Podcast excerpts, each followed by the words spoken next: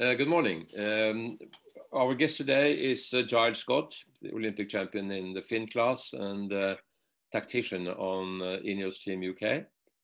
Um, recent uh, silver medalist in the European Finn uh, Championship. Um, yeah. How easy was it to go from America's Cup sailing to back to the Finn? Um, yeah, it wasn't too it wasn't too bad actually. It's I suppose it's one of the one of the better things having sailed the Finn for almost 12 years now that um, thankfully you can you can step away for a little period of time and, and come back and be in be in okay okay shape. That being said, I still think there's a lot I need to Im- improve on on the uh, in the build up to the to the games. That's for sure. You sailed with Ben Ainslie, who is uh, your old competitor in in the Finn class. You were fighting for the berth of the um, uh, Olympic uh, regatta in uh, in UK in 2012 when he yeah. won the uh, the uh, qualifications, and and then you uh, won the Olympic gold medal in in Rio. But uh, you work well together. We what? Sorry. You work well together. You know each other yes. quite well. Yeah, yeah. No, I think we do. Yeah, we do work well together. I think um, you know we uh, we share a very similar approach to to racing, and I think um, especially for the racing that we've been doing in in the America's Cup, that's uh, that's that's pretty key to help keep communication loops and confusion down. In honesty, um, everything in those boats happens so quickly, so uh, the whole crew needs to be be on the same page. And um, you know, the way that we divvied up the roles on on board our boat with a with a helm and a tactician offside helm, you know that that that communication loop was was was pretty key. Your project went through a bit of a roller coaster. You, you started off in December looking not so good, and then you came back in uh, January looking extremely good. Yeah, um, yeah. And then you found that it was difficult to uh, to beat the Italians in the end. Um, everybody was very critical to the the um, combination of uh, two um, uh, helmsmen on the Italian boat. In the end, it turned out pretty well. Did you learn something from that? Yeah, for sure. I mean, we we learn it something from every single boat that was out there, and I think that I'm pretty sure if you asked any any of the teams out there, they'd say something similar. Um, the boats were so young in concept, and uh, and you know, each team had a group of sailors with slightly different skill sets, and the way that they divvied up the roles on on board each of those boats reflected, I think, the the people that were in the teams, and um, yeah, I think that you know um, Prada obviously came under a little bit of flack early on when they decided to go for the two helmsmen, but that you know that that worked well, and it was it we you know we certainly drew on elements of what they were doing and amended our our playbook and especially the way that that, that Ben and I um, you know did our roles with uh, with I suppose more of a, a primary helm and a tactician, but there is you know we certainly ran crossover there and a lot of that learning did come from the likes of um, the likes of Prada. And you, you, look at other areas of the boat, and you could say the same, taking little bits and pieces from the Americans and from the Kiwis. Um, but yeah, we uh, yeah we were certainly on a bit of a, a roller coaster ride, and we we yeah we definitely had to deal with our fair share of adversity through the uh, the early part of being out in, in New Zealand, especially around that World Series um, before Christmas. Mm. In the end, it turned out that uh, Prada was a, just a bit faster than uh, Ineos team. Yeah. Do you know why that was? Um, no, I mean, well, we've got we've got our we've got our ideas, and I think the boats were always getting faster and faster. Um, you know, obviously we had we had some pretty serious issues in the world in the World Series that, to the most part, we were um, we were able to resolve. Um, it was still, you know, it was still niggling away at us, and we still had those uh, issues which showed up a little bit more in the lighter breeze. And um, and Prada did a, you know, they did a really good job of putting a solid package together. Um, you know, their foils were clearly very clean, um, very efficient and um, yeah, they did a good job with their, their rig and sails package as well. Um, I think uh, yeah, it doesn't it, the differences don't have to be that big at that that level to to show up quite quite drastically. And um, I think from from our standpoint, they uh, you know we throughout the round robin, we maybe had a very slight, very very slight speed edge in the in the upper wind speeds, especially downwind. And then with the modifications that they they brought on after those round robins, they they really bridged that gap in the to us anyway in the uh, in the higher wind speeds, and and they were always they were always a good a good step or two in front of us in in the light breeze, and you know the the, the Prada Cup final was predominantly light wind, and yeah, they were uh, they they were faster than us, and unfortunately, we didn't really feel like there was a, a great deal that that we can do we could do with the with the racing conditions that we had. Um, you know, we uh, it, w- it would have been nice to to get out of those consistent sea breezes and and open the course up a little bit for us. But you know, ultimately, um, ultimately, we, we yeah we just weren't we, we just weren't quick enough. Everybody went through a very steep learning curve with these boats. Do you think that um, these boats were sailed up to their maximum performance uh, by the end? Um, no, no. I'm sure that you know it's you, you, if you compare it to the Olympic sailing world, you know, people have been sailing lasers, Finns, 49ers, whatever boat you pick, 470s for, you know, in some cases north, north of 50 years. And each year people are still getting better and better. Um, and it's certainly no different in the in the America's Cup. It's just the in terms of the time scale, it's, it's so so small that you know these these boats were when we when we first launched our little test boat, we didn't know if the boat was even going to be able to foil or sail, tack or jibe. Um, the learning curve and the development pathway is so so rapid that there's absolutely no doubt in my mind that you could keep sailing these boats for the next you know 20 years and every iteration would get slightly slightly quicker the sailors would always get slightly better at sailing them I mean, the, the jumps in performance would probably become smaller, but uh, I think you know the, the, the importance of those small jumps in terms of winning races is is always is always massive, as you see in other types of uh, yacht and dinghy racing. I just I don't you know I don't think that the, the cup's any different in that regard. You were beating everybody in the round first round robin of the Prada Cup. Um, do you think that the Italians had a great advantage by matching the um, American team uh, while you were sort of, I wouldn't say dormant, but uh, not um, having the opportunity to match another competitor? Um, I don't. I don't think so. I think the way that the racing plan it, played out for um, Prada semi-final with the Americans is, you know, we we didn't really look at that and feel like they were necessarily getting particularly. We didn't feel like we were missing out on being being being battle hardened hardened through that. I think you know what happened was is that they they maybe had a bit of a a bit of a wake up call, and they did talk about that in you know in in having uh, having us beat them in the way that the way that we did, and they went away and uh, you know they they did the simple things very well, and also upgraded the boat, and um, you know they they got they, they ended up coming to the Prada Cup final, setting the boat closer to its potential, and I, I think that you know their their ceiling was just higher than ours. You and um, Ben Ainslie have sailed together now for this campaign. Uh, is that a configuration that is going to remain into the future? You think?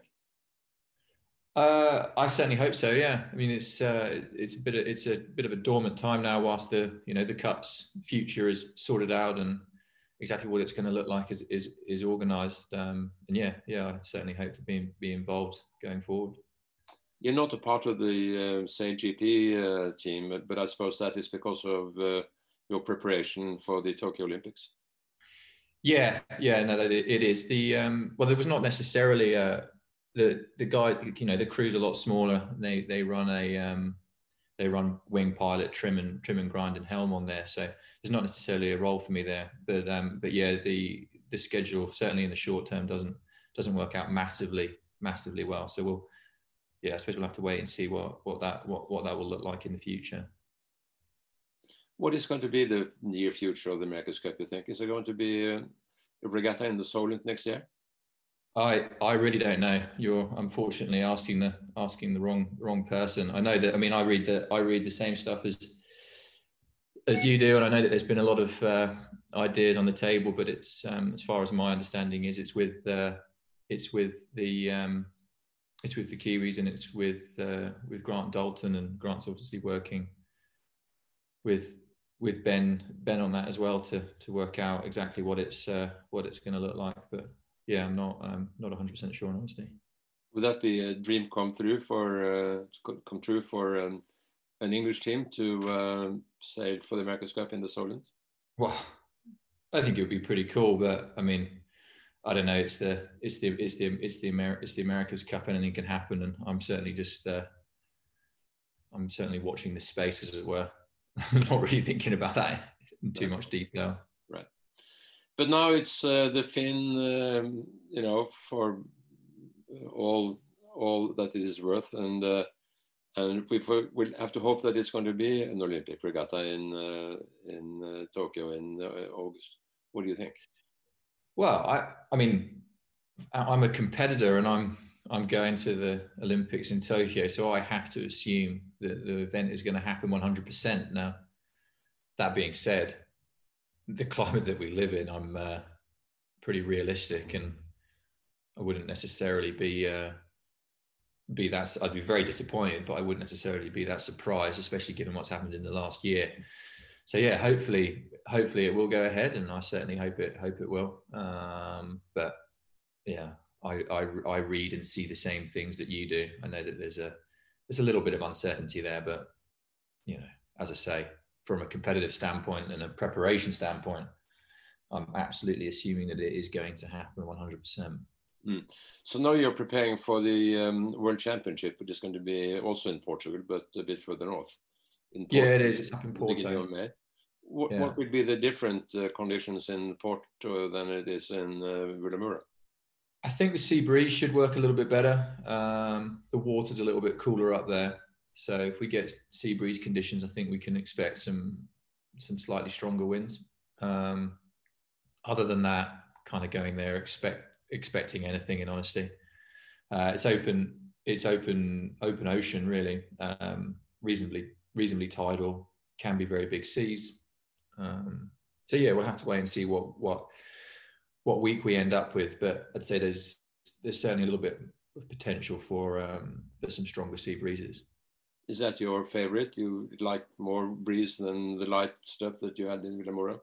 Um, I don't know. I'd like I like to always think that I'm a I'm an I'm a good all rounder. I think the one thing that, that happens is the breezing as the breeze increases, it, it tends to um, eradicate the uh, the variability in that in that light breeze, which is very difficult to to manage, especially when you're racing on such big courses and big in big fleets. Um, you know, you make one one bad decision or you get the wrong side of of the course, which in certain circumstances is pretty tricky to to predict where the right place to be is. is it, it can be pretty pretty terminal. So I think in terms of being consistent, it's a lot easier to be consistent when the breeze is breezes up for the for, for myself and the other top guys. Um, you had a bit yeah. of a slow start in the European Championship, but then you came on quite strong towards the end, and uh, you you managed to get the medal after all.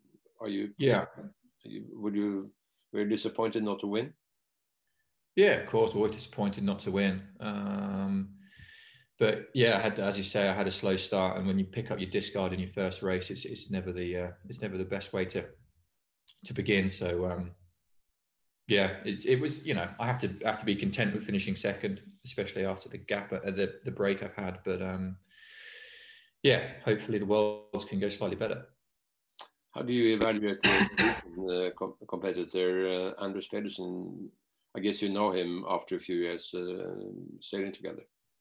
Yeah, I do know him, know him well. Um, I've tried to get him out to play golf over the last few days, but he's he's always been too he's been too busy. So um, mm yeah, we're uh, yeah, no, we're good friends, and he's a he's a he's a good he's a good sailor. Um, I think he was uh, speaking to him after the event. I think he was a little bit disappointed with with how he went, but I'm sure he'll be uh, he'll be looking to go better at the worlds, like us all.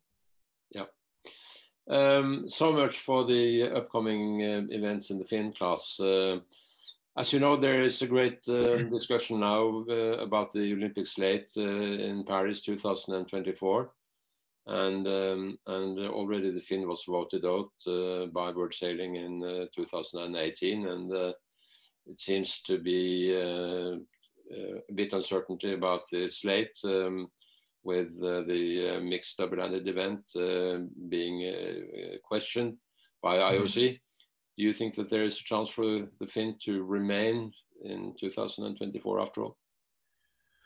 Well, I mean, I think I'd like to I'd like to think so, but um, I'd say that everything that I'm reading doesn't it doesn't seem that positive at the moment. Um, and to be to be completely honest, I, I don't follow it as closely as perhaps I should. Um, but I mean, the, the, where, whenever I think about it, I don't. For me, the, um, the the biggest travesty of it all is not is not necessarily the the class, although the Finn class is an amazing class, it's it, it's really the people that that are um, that sail the Finn, the, the, the guys that I that I feel for. Um, you know, if you you wind you wind me my career back ten years, and if this had happened, then you know I wouldn't be an Olympic champion. So, you know, there's there's there are people out there that are in that situation, and that's the that's the real sad thing. But the Finn um, is a unique class. Um, in, in a way that it is a heavyweight uh, dinghy. You, you have to weigh um, a, a, good uh, many kilos more than uh, to be the optimum for um, the um, laser class or any of the other dinghies. And it's also um, a tactical uh, dinghy, which uh, which is away with the foiling boats to uh, some extent. How important is the Finn? Would the Finn be for the future of Olympic sailing? Yeah, it does. It it does offer something slightly different, as you say. It's a it's a tactical and technical class, um, and yes, it's a heavyweight, and that that's kind of what I'm referring to when I say that the, the people, um, you know, the people that sail the Finn are are bigger guys, and they do now. You know, if the Finn goes out, they will have no no real competitive options within within the Olympic world. So, yeah, they're kind of left out on a limb, which is which is which is sad. Um, and and yeah, the you know the the racing that the Finn brings is it is a combination of a tactical and technical class, um, which you know I think is very representative of of the sailing world. Um, so so yeah, it's um, it's it is a it is a sad situation, but I mean the way that it's all been managed is is probably not that great. You know, we're being given this I don't know how long it is till the final decision has to be made, but it all seems quite quite late to me um, with with not great foresight. So um, yeah, it's it's it's not a it's not a great situation for the sport to find itself in. That's for sure. The final decision by IOC is going to be at the beginning of uh, uh, June, around the 10th of June. Right. Yeah. Um, the Finn is still a modern class. It, it was it was designed and uh, created for the Olympics in uh, Helsinki in 1952, but it has been sort of evaluating, or, or there's been an evolution within the class. It's the right word. Yeah, it does always it's evolve. It's a modern boat. Well, I mean, it's. I wouldn't say it's fair to say it's a modern boat. It's a it's a boat that's evolved with the times. That's for sure. Um, and yes, it does. It does. It, it, it does definitely stay current. There's a lot of development that we can do, um, and that's always moving forward. But, um, yeah, it's. Um, I wouldn't say. I wouldn't go as far to say it's a. It's a modern boat. It's. Um, you know. The, I think the other thing that we have to be aware of is that the sport does. The sport does move on, and it does, as you say, evolve. Um, and I think I'd certainly be a lot more content with what's going on in world sailing if there was still a an alternative option from the Finn for the people that sail it. Um, you know, I'm, it sounds like I'm being downbeat on the Finn. I'm not. I think it's an amazing boat, but it's to, to me, it's you know, I understand, and you know, I'm involved in the, the high performance end of the sport as well. I understand that that's the way that the that the sport is moving, um, but I think the, the people can't be left behind.